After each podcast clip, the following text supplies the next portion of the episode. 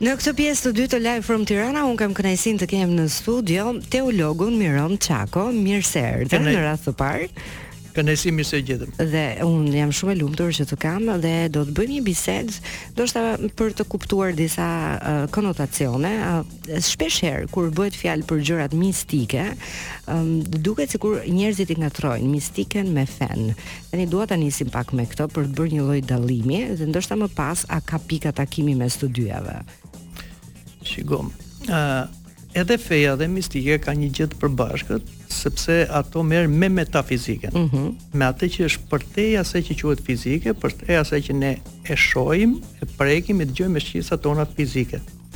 Prandaj, ë edhe mistika dhe feja kanë këtë pikë të përbashkët, por ndryshimi është sepse feja ka një orientim të saktë mm -hmm. për atë që është e padukshme, që i themi Zoti dhe gjithë ato që përdor Zoti në marrëdhënie me njeriun dhe me natyrën, kurse mistika ka opinione të ndryshme për botën e padukshme, ë domethënë mund të ketë shumë zota ose mund të ketë shumë lloj rrafshesh ose krijesa të ndryshme, të cilat si të them ë mund të shkojnë në në infinit.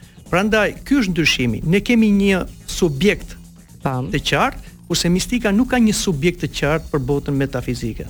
Por duket sikur rrotullohet rrotullohet rreth vetes mm -hmm. dhe ky është një rreth vicioz pastaj, prandaj ka filozofi të pafundme, misticizëm të pafund, secili thotë mendjen e vet dhe pastaj Hajde, kë duhet të mendojmë? Kë duhet të zgjedhim? Tani a mund ta quaj un mistikën një lloj fushë studimi apo e kam të gabuar si term? Do un nuk është se po e krijoj, thjesht nga ato që kam lexuar, shpesh herë has pikërisht këtë gjë që mistika paralelizohet me një fushë studimi dhe duket sikur e bën pak më shkencore ose për t'i dhënë një kuptim më të besueshëm, çfarë ndodh? Shiko, njeriu në natyrën e vet, se është një qenie mendore, ka ka dëshirë të sh, të hulumtojë atë që është përtej natyrës.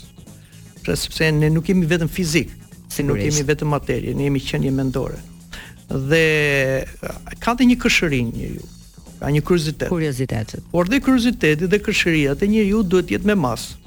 Sepse ti mund të kalosh gardhet, dhe kujton se po ecën në një rrugë, mund të kesh rënë në një humnerë. Ëh. Mm -hmm. Prandaj dhe mistika shpeshherë bie në humnera të mendimit dhe filozofisë njerëzore dhe më shumë i ka dhënë probleme qenies njerëzore, madje edhe tragjedi se sa i ka dhënë një zgjidhje. Kurse feja është një rrugë ë e sigurt Dhe duhet të kemi dhe kujdes sepse sot kemi shumë fe. Po. Por në konceptin që kemi, kemi dhe shumë zota. Dhe shumë zota. Atëherë dy gjëra janë, ose kemi shumë zota, mm -hmm. që mhm. kjo hidhet poshtë sepse do kishim dy krijime paralele, do kishim dy toka, dy hëna, dy diej që do përplaseshin, por duke qenë flasim në konceptin e thjeshtë, një tokë, një diell, një sistem diellor, një univers, atëherë tregon se është një krijues. Mm -hmm. Por dhe me diçka tjetër që ose pastaj bie që Zoti është tallur me njerëzit dhe i ka dhënë fe të ndryshme. Dhe kjo nuk qëndron sepse Zoti është një qenie e shenjtë, e drejtë, e vërtetë dhe nuk mund të lozi me njerëzit. Atëherë njerëzit pra në misticizmin e tyre mm -hmm. për të kuptuar botën e përtejme, ata kanë fantazuar dhe kanë kriju zotat e tyre. Prandaj, ë uh, nuk është propagandë, por është një realitet. Krishterimi ndryshon nga fetë. Krishterimi quhet besim. Po. Çfarë është besim? Si janë edhe disa fe të tjera po, që quhen po, besim. Po, besim po hyn më tepër te koncepti fetar. Pse? Po t'i shikojmë uh, fetë e tjera janë përpjekje njerëzore për të shkuar tek Zoti në këtë dimensionin metafizik. Mhm. Mm nuk po flasim në hapësirë po në si kilometra hapësirë, po flasim në gjendje. Në gjendje, e sepse kuptohet. Bota fizike, bota metafizike. Por njeriu sado të kapërcejë me mendjen e tij, me fizikun e tij, e ka të pamundur të kalojë këtë humnerën ndërmjet krijuesit dhe krijesës. Prandaj ecën dhe mbetet gjysmë rruge ose të gjejë dhe rrugë të gabuara. Kjo është Këto janë fetë, tentativa të ndryshme, kërcime njerëzore, pupthi, mund t'i themi unë, mm -hmm. për të arritur tek Zoti, që është e pamundur. Kurse Krishterimin e shikojmë besim, pra Zoti zbriti nga qiejt dhe mori trajtë njerëzore, u bë njeri, pra biri i Zotit, u bë bir njeriu që quhet Jisu Krishti dhe ai na foli për atë që është përtej. Prandaj thuhet, unë jam rruga, unë jam e vërteta, unë jam jeta, askush nuk shkon te ati veçse me anën time. Mm -hmm. Ky është ndryshimi. Prandaj ë kjo kjo solli gjithë botën, sepse sot ne jemi 2000 vjet mbas Krishtit, po përpara se vinte Krishti ishte një botë shumë pagane, shumë mistike, me shumë fe, por më ajo u centralizua me ardhjen e krishterimit dhe njerëzit e kuptuan kush është Zoti, kush është krijuesi dhe rruga. Sot kemi një lloj liberalizimi. Përsëri, njerëzit po kthehen, nuk është modernizëm, po kthehemi përsëri në primitivitet. Mm -hmm. Kemi për shembull ngrit zgjimin e paganizmit. Njerëzit sot po i falen gurëve, drurëve, po i falen objekteve, po i falen yjeve dhe mendojnë se janë modernë. Nuk janë modernë. Por çfarë janë? Po janë po kthen po kthen mbrapa në primitivitet. Pra, okay. ata po adhurojnë krijesën në vend të krijuesit. Kjo Duket... është mendjelehtësi. Do do ta vazhdojmë bisedën sepse duket sikur edhe vetë njeriu rikthehet në pikën zero dhe pastaj bën një rrotullim dhe të kthehet vazhdimisht aty me sa duket. Megjithatë do ta vazhdojmë uh, së bashku bisedën Miron, pas pak kemi disa miq që nuk na presin dot. I mirëpresim. Mirë Miron, po të merremi me mistikën edhe me fenë të çojnë në shumë degëzime të tjera. Unë dua ta mbyllësh pak atë idenë që njeriu po kthehet në primitiv. Po, nuk ka më primitivitet për shembull, për një njeri i cili është i studiuar, mm -hmm. i mhm. shkolluar, se mirë, njerëzit primitivë nuk dinin çfarë ishin planetet, për shembull. Po. Po sot, një njeri me shkollë, ka mësuar fizikën elementare në shkollë të gjitha. Të rrijë të ulesh tani përpara televizorit, gazetës dhe mos ta fillosh ditën pa parë horoskopin, çfarë ndikon Hëna, Jupiterni, Saturni, Dielli tek ty, që është një trup thjesht inert, i ngurtë, i gaztë, që ka kontroll në jetën tënde, nuk të duket mendim primitiv? Pra, shikoni si biem në një fatalizëm, mm -hmm. në një primitivitet dhe kemi frikë nga gjërat natyrore që primitivët i quanin mbinatyrore se nuk i njihnin çfarë ishin. Dhe ishin koncepte të panjohura pra në atë periudhë. Atëherë sot kjo nuk lejohet. Po ja pra sot prap njerëzit ngaqë futen tek ajo mistika, ëh, mm -hmm. mendja e tyre në këto zona të errëta dhe nuk duan tek e vërteta, atëherë rrotullohen rreth vetes së tyre. Kthehen prap tek primitiviteti. Mirë, unë dua ta vazhdojmë pak bisedën për një temë që diskutohet shpeshherë, dëgjojmë lloj-lloj çudirash, por sa të vërteta janë ato, dhe dua të ndalem tani tek magjia. Dhe pyetja e parë që më vjen rishtazi, a ka magji të bardhë dhe të zezë apo është vetëm me konotacionin e errët? Po. Ë, Para magjia është një një kontratë që bën një person mm -hmm. me dije ose pa dije me një forcë okulte, një po. forcë e fshehtë. Domethënë, dhe ne i quajmë këto forca demoniake.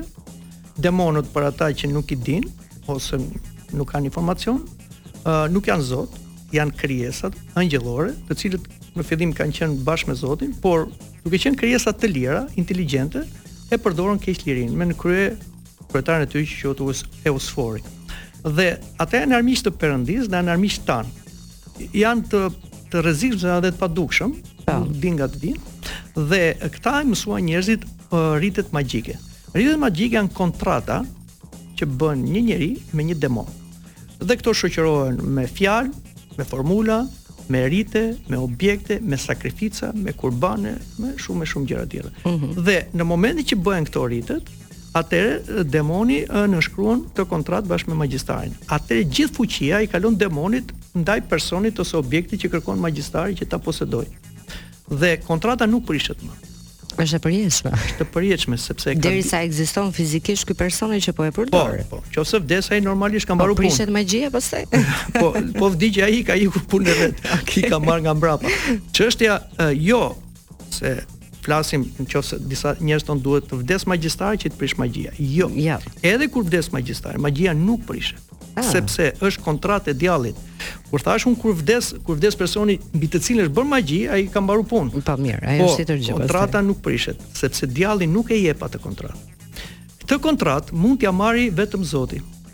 që është prokurori mm -hmm. absolut, që ia merr kontratën djallit dhe e çfuqizon kontratën. Prandaj që të prishet një magji, duhet të shkosh tek Zoti dhe Zoti pastaj vepron në pas kërkesës së njeriut, lutjes së njeriut, pendimit të njeriut, përkushtimit të njeriut dhe prish kontratën. Mm -hmm. Ndryshe, je je si të them i poseduar deri në fund. Dhe persona të cilët pretendojnë si njerëz që prishin magji janë sharlatanë, janë mashtrues, janë gënjeshtarë, ose mashtrues të mashtruar se ata mund të mendojnë se po bëjnë mirë, ë uh, si i themi ne, ë uh, është një shprehje biblike dhe djalli shfaqet si angjëll drite, që gënjen njerëzit, që ka njerëz sot se mendojnë po i shërbejnë një Zoti ose një angjëlli, ata i shërbejnë një demoni që shfaqet në formë të Tani personalisht dua të ndërpres pak. Po. Personalisht kam njohur gjatë jetës time edhe njerëz që um, kanë një besim të caktuar, shkojnë, nuk po them në kishë në xhami, nuk ka rëndësi, por shkojnë dhe uh, janë besimtarë që i kryejnë të gjitha ritualet e besimit të tyre, por ndërkohë paralelisht merren edhe me fallin, me parashikimin e fatit, me magjitë, me ato nuskat e famshme, Kështu që apo me forma të tjera, se nuk e di, mund të ketë edhe forma të tjera po. përveç nuskave, por sa e lejueshme është kjo gjë? Pra nëse ju jeni teolog, paralelisht uh, bëni edhe këtë pjesën tjetër, a të lejohet në në besimin tuaj? Unë do ta përmbledh shumë thjesht, është si një grua me dy burra. Ok. zakonisht domethënë që shkon me dy burra. Zakonisht një grua do të shkojë me një burrë dhe një burrë me një grua, sepse pra një ka të ligjshëm, një të paligjshëm. Ja, da, bravo. Pra, nuk mund të thuash që një besimtar beson tek Zoti dhe mm -hmm. marrëdhënia me Zotin është një marrëdhënie shumë e ngushtë. Bëhesh një shpirt. Si burri me gruan bëhet një mish. Prandaj nuk mund të futet një palë e tretë. Po. Nuk e pranojmë ne për shembull poligaminë, sepse tre nuk bëhen, dy bëhen një. Mm -hmm. Por uh, edhe kështu, nuk mund të jesh ti edhe me Zotin, edhe me djallin. Çfarë lidhje ka? Pra, çdo okultizëm, çdo rit magjie, çdo fall në çfarëdo forme, çdo besëtytni është të shkosh me djallin. Pra, në një farë mënyre quhet kurvëri shpirtërore. Kështu kështu quhet në gjuhën teologjike mm -hmm. dhe nuk mund ta pranojmë këtë. Prandaj këta njerëz që bëjnë veprime të tilla në një farë mënyrë bëjnë një divorc me Zotin dhe që të kthehen duhet të pendohen si një grua që pendohet që ka tradhtu burrin e vet. po, mund ta ribëjë prap? Po, fatmirësisht Zoti është i mëshirshëm. Jo, e kisha në sensin që mund të um, ndihesh fajtor për atë që ke bërë, i kthehesh, por është edhe ky besimi që thonë që një njeri që tradhton, dhe meqë po, e nisëm me po, tradhtim, që tradhton një herë mund të tradhtojë edhe sërish. Po fatmirësisht prapë them që Zoti është i mëshirshëm. Domethënë, ë uh, ai nuk na dënon pse mëkatojmë, pse nuk pendohen, pse nuk kthehen. Prandaj Zoti na ka lënë kohë në këtë hapësirë. Mm. Çfarë mm. është koha? Koha është ndryshim. Për shembull, sot ne u zgjuam gjithë sot gjithë ditën duket si ditë e zakonshme, por nuk është ditë e zakonshme, çdo ditë është një fillim i ri. Po, sigurisht. Kapitull i ri. Prandaj thuhet se është një ditë e re. Ditë e re është një jetë e re, një mundësi e re që të tjerë nuk e kanë tani. Ne të dy dhe shumë të tjerë e kanë. Mm -hmm. Por ne duhet ta shfrytëzojmë, sepse në këtë ditë ne mund të korrigjojmë gabimet e ditës që shkoi, ose mund ta prishim në këtë ditë dhe ta shtojmë gabimin. Prandaj, brenda kohës njeriu mund ndryshojë. Jashtë kohe, kur njeriu vdes, ndahet shpirti nga trupi dhe shpirti hyn në dimensionin pa kohë nuk ka ndryshim. Mhm. Mm pra vetëm në atë moment nuk ndryshon. Nuk ndryshon. Ktu ndryshon njeriu. Dhe Zoti na ka lënë këtë kohë që duhet ta shfrytëzojmë. Edhe gabimet më të rënda që mund të bëjë njeriu brenda kohës korrigjohen. Do e dini se i pari që për ne hyri në parajsë nuk ka qenë as një apostull, as nëna e Krishtit, e tërë shenjta, zonja Shën Mëri, ka qenë një hajdut, një kriminel. Që ka hyrë në parajsë. Po, si hyri në parajsë? sepse ai u kryqëzua bashkë me Krishtin. Mm -hmm. Qofse mbani mend, Krishti u kryqëzua me dy hajdutë. Me dy të tjerë, po. Sepse për ta ofenduar që ky ishte në rangun e kriminelëve. Por, njëri shante dhe mallkonte, shfrytëzonte kohën keq. Mm -hmm. Tjetri erdhi në vete dhe i tha, "Ky s'ka bërë asnjë faj." Kujtomë o Zot në mbretërinë tënde. Sot me mua do jesh në parajsë. Hajduti brenda kohës vodhi parajsën me pendim. Pra, si do ta shfrytëzojmë kohën? Dhe është mirë të pendohemi. Pendohemi. Edhe ata që kanë bën veprime të tilla duhet të pendohen. Prap nuk më the dallimin midis po, magjisë së bardhë, por do ta vazhdojmë këtë bisedë vetëm pas pak minutash. Fillimisht do të shkojmë tek një bashkëpunim i Këtij viti është një artiste re shumë e talentuar, Elodie me Club Dogo, shkojmë te Soli a Milano. Ndërkohë unë me Mironin e vazhdojmë bisedën edhe përtej mikrofonit, por e kemi lënë shumë shkurt që te kuptimi i magjisë së bardhë dhe magjia e zezë. Shumë shkurt, magjia e zezë bëhet për të shkatërruar jetën njerëzore, mm -hmm. për të dalë nga vetja, për t'u çmendur, për të pasur një sëmundje të pashërueshme, për një vdekje, për një aksident. Për të rrëmbyer burrin ose gruan diku. Jo, kjo nuk quhet ka ndodhur magji e zezë, kjo janë të magjitë e bardha. Magjitë e zeza janë ku shkatërrojnë jetën. Dakor. Psikike dhe fizike. Mhm. Mm magjitë e bardha janë ato, t'i marrësh burrin tjetrës, të marrësh po, punën e tij. Po, sepse nuk ia merr jetën tjetrit, por e bën për vete tjetrin. Mhm. Mm të dy magjitë e zeza dhe të bardha i bën djalli që është i zi, kështu që Është kot ajo e bardhë e zezë. Domethënë nuk është se ngjyra dallon. Okay. Janë të zeza. Okej, okay, është shkurt fare. Mirë, tani um, dua të ndalem në një në dy fenomene të tjera që po vlojnë këto ditë brenda shtëpisë më të survejuar në Shqipëri, do ta quaja unë, edhe më të famshme në të njëjtën kohë, Big Brother VIP. Dhe Po përflitet Miron për fantazma në shtëpinë e Big Brother.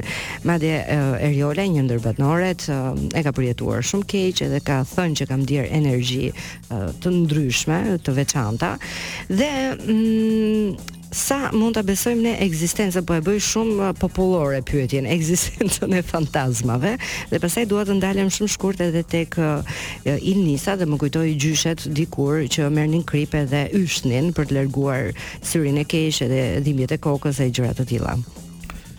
E para ajo që pretendon se uh, ka parë fantazma dhe se unë nuk e ndjek vetë Big Brother-in, por çfarë kam dëgjuar.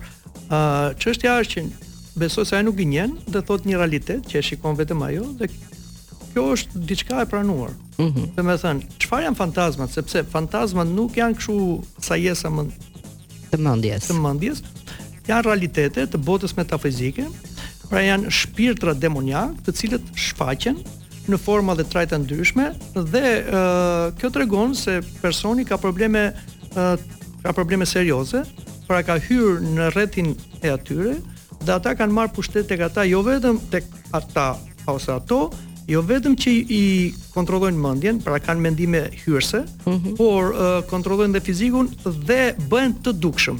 Këtu realiteti është çik më serioz. Tani më bëre të rrënqethem. Po. Po, personi në fjalë, në qoftë se ka këtë gjendje, ka probleme serioze.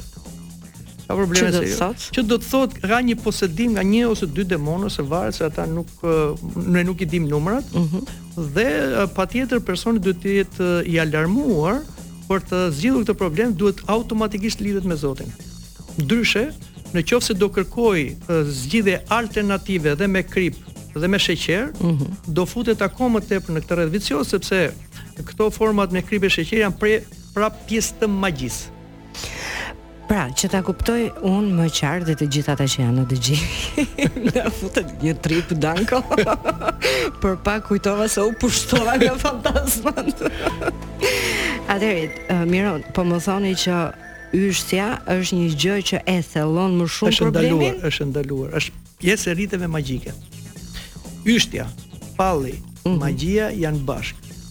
Dhe njerëzit nuk i din këto, sepse në emër të kujt e bën me kripë ky person. Po supozohet në emër të Zotit apo të energjisë që Zoti përdor ka nevojë për kripë, çfarë është Zoti kuzhinier? Okej. Okay. Çfarë? S'ka lidhje fare. Kripa është një element kimik që përdoret për ushqim. Po se e përdorin njerëzit për për të dhënë shije. Shije mm. ose ruajtur një ushqim. S'përdoret kripa. A përdoret si rit magjik sepse çfarë bën djalli? Djalli na shkëput nga Zoti dhe na vë besimin te kripa, te sheqeri, te mhm. patkoi, te zhiva dhe këto marrëzitë e tjera dhe na tall. Pra, nuk mund të prishet magjia me një magji, E kuptoj. Po bëhet më e fortë në Po patjetër, marrin, shiko, si ta them, shtrëngohet kulari që ta të ka shtrënguar i ligu. Mm -hmm. Pra të fut akoma dhe aq më tepër kur këto bëhen dhe publike, këto infektojnë dhe shumë të tjerë, prandaj duhet siç thosh një shprehje biblike, mos u bëni shumë mësues se ke do keni shumë përgjegjësi. Ë personi në fjalë, jo vetëm s'e kemi me personin në fjalë, se s'dua ta po, bëjmë jo, lajm. Jo, më thjesht si, si shumë njerëz vuajnë mm -hmm. nga mhm. fantazmat. Ë ose shpirtrat që janë demoniakë, sepse nuk se disa njerëz dhe gabojnë, kujtojnë se iu shfaqen dhe shpirtra njerëzorë, sikur flasin me babain, sikur flasin me nënën. Jo, shpirtrat e njerëzve nuk lëvizin, janë o në parajsë o në botën e vdekjes. Demonët lëvizin dhe engjëjt lëvizin. Dhe që do të thotë të joshin ty duke po, përdorur po, imazhe që po, ti njeh. Po, të, jo vetëm të trembin, po ka dhe marrëzira tjera sa mund të krijojnë dhe marrëdhënie, kontakte fizike me njerëzit. Ka lloj-lloj mund të hysh në çfarë labirintesh. Prandaj të në këtë dimension metafizik duhet të rrish larg dhe duhet të vendosesh në mes Zotin, i cili i largon këto forca të errëta, ë, dhe çfarëdo qofshin ato dhe nuk të kontaminojnë ty. Zakonisht kur shfaqen këto dhe këto janë pjesë e historisë së njerëzimit, ë, mm -hmm. dhe tani janë shtuar shumë sepse njerëzit po ekspozohen shumë në okultizmin, në misticizmin që kishim në bisedën në fillim dhe po shfaqet shumë kjo bota metafizike.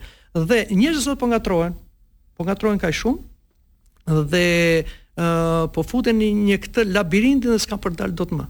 Prandaj duhet të mos kemi as kërshëri, as kuriozitet, por duhet të kemi dhe mbrojtjen hyjnore. Tani ndodh një gjë Miron, um, që është krejt njerëzore, do ta them, që kur dikujt i thua mos, Mos e bëj do ta bëj. Është gjëja e parë që do shkojë ta bëjë, po. sepse po. është pjesë e tundimit natyrës, nuk e di si do ta quaja. Dhe normalisht kur vëmë një mos të madhe, gjëja e parë edhe një fëmijë i vogël, i thua mos e prek atë, gjëja e parë që do shkojë do shkojë ta preki atë. Kështu që si ta bëjmë ne këto? Prandaj zoti që mos të krijojmë këto mos zot... që të shkojnë po, më shumë për të bërë ato po, gjëra. Kur zoti thotë mos. nuk e bën të na vështirësojë jetën tonë. Ai bën mos si një prind fëmijës mos se të dëmton. Po. Por Zoti na ka lënë dhe të lirë. Ai na lejon, se ai monitoron, se po të mos ishte Zoti, ne do hanim njëri tjetrin tash. Domethënë do kishim dalë nga vetja dhe do do kishim dalë përtej asaj që është logjike. Por Zoti është kudo, është i kudo ndodhur dhe ai e monitoron dhe shpesh herë lejon dhe disa përvoja Si një prind i mirë, kur i thotë fëmijës mos, atëherë e lejon pak fëmijën, për shembull, ta preki pak zjarrin. Edhe i thotë, shiko çfarë të ndodhi dhe eksperienca të bën që ti mos shkosh më atje. Prandaj edhe këto eksperienca që ish, që i shikojnë disa njerëz, duhet të jenë edhe mësim për ty dhe për mua. Mm -hmm. Dhe patjetër që personi në fjalë nuk i ndodhin rastësisht këto. Janë disa arsye, mund të jetë një magji e zezë, mund të jetë personi mund të ketë okultizëm, ka hyrë, bën rite vetë, pa nuk e kam për personin në fjalë, ëh. Po, po, po, po flasim për fenomenin. Fenomenin ose ose mund të ketë mëkate të rënda. Tre gjëra janë.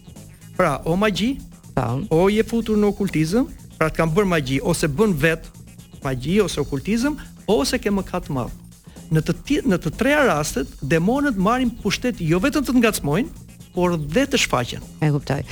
Ëm um, duke qenë si e kuptojmë ne që dikush na ka bërë magji? A mundemi ne ta kuptojmë? Po, ti del nga natyraliteti, del nga natyraliteti. Mm -hmm. Nuk je natyrale. Domethënë, Ndjen një ndjen një peshë në veten tënde, ndjen mendime hyrëse, ndjen një rëndesë, ndjen një problem fizik që nuk ia gjen shkakun. Tani po të mendojmë, ju po flisni dhe unë po mendoja që ka ditë që zgjohem që jam pa fuqi, jam e unë çoj kështu me zvarritje. Kur është konsistente, domethënë okay. kur e vazhdon Pra, kur është që njeriu ka kurbat e veta psikologjike dhe fizike, nuk do të ndalemi këtu në çdo gjë ka për magji. Pra, Kur është konsistente që ti nuk po i jep zgjidhje, mm -hmm. për një kohë vazhdon, pra, vazhdon, vazhdon okay. dhe shkon drejt një regresi, atëherë diçka ka ndodhur. Shkon te mjeku, ekzaminohesh, nuk ka asgjë thotë. Si atëherë s'ka asgjë kur ti ke një takikardi, kur ke një dhimbje shtrëngimi në zemër, kur ke një lodhje mendore, çfarë ke? Nga të vjen kjo? Mjekësia thotë s'ke. e si thotë, e ke psikologjike. Po, në moment që ke psikologjike, e ke në moment se mjeku s'di çfarë thotë, fjala mm -hmm. psikologjike, atëherë detyrimisht është diçka shpirtërore në psikikën tënde, pra është diçka që është e botës okulte që të ka hyrë ty dhe të ka poseduar. Kjo tregon që ke ndikim magjie. Dhe magjin mund ta bëjnë gjithkush, edhe njerëz të afërt sepse çdokush dëgjojmë edhe këto. Çdokush dhe fëmijët mund të bëjnë magji. loja abrakadabra ose fjalë është po. rit magjik i romakëve të lashtë, mm -hmm. që ne e mësonim e talleshim e bënim. Libri Harry Potter, unë e po. kam thënë, që lexojnë fëmijët e shohin filmin, është libër i mirëfilltë magjie. Një fëmijë që lexon Harry Potter dhe i praktikon po bën magji. Ah, kaq e thjeshtë, sepse autorja e librit Harry Potter ishte okultiste. Mori librat e magjisë, i bëri letërsi dhe, dhe po flasim për një libër që është libri më i shitur në botë. Më i shitur në botë sepse është kërshëria pra. Çka ka aty? Mhm. Mm Mos e hap atë portë. Miron, unë dua të të falenderoj shumë që ishe me mua sot edhe jam e bindur që do të kemi mundësi të flasim edhe për gjëra të tjera, edhe për teori të tjera. Um, njërën po e them live, por nuk do kesh mundësi ta të më kthesh një përgjigje. Diku ke thënë që edhe yoga është një lloj magjie apo idhujtarie. Kështu që do ta lëmë këtë temë të hapur për me për ta vazhduar sërish. Me kënaqësi. Të falenderoj shumë. Ndërkohë ne do të shkojmë në publicitet.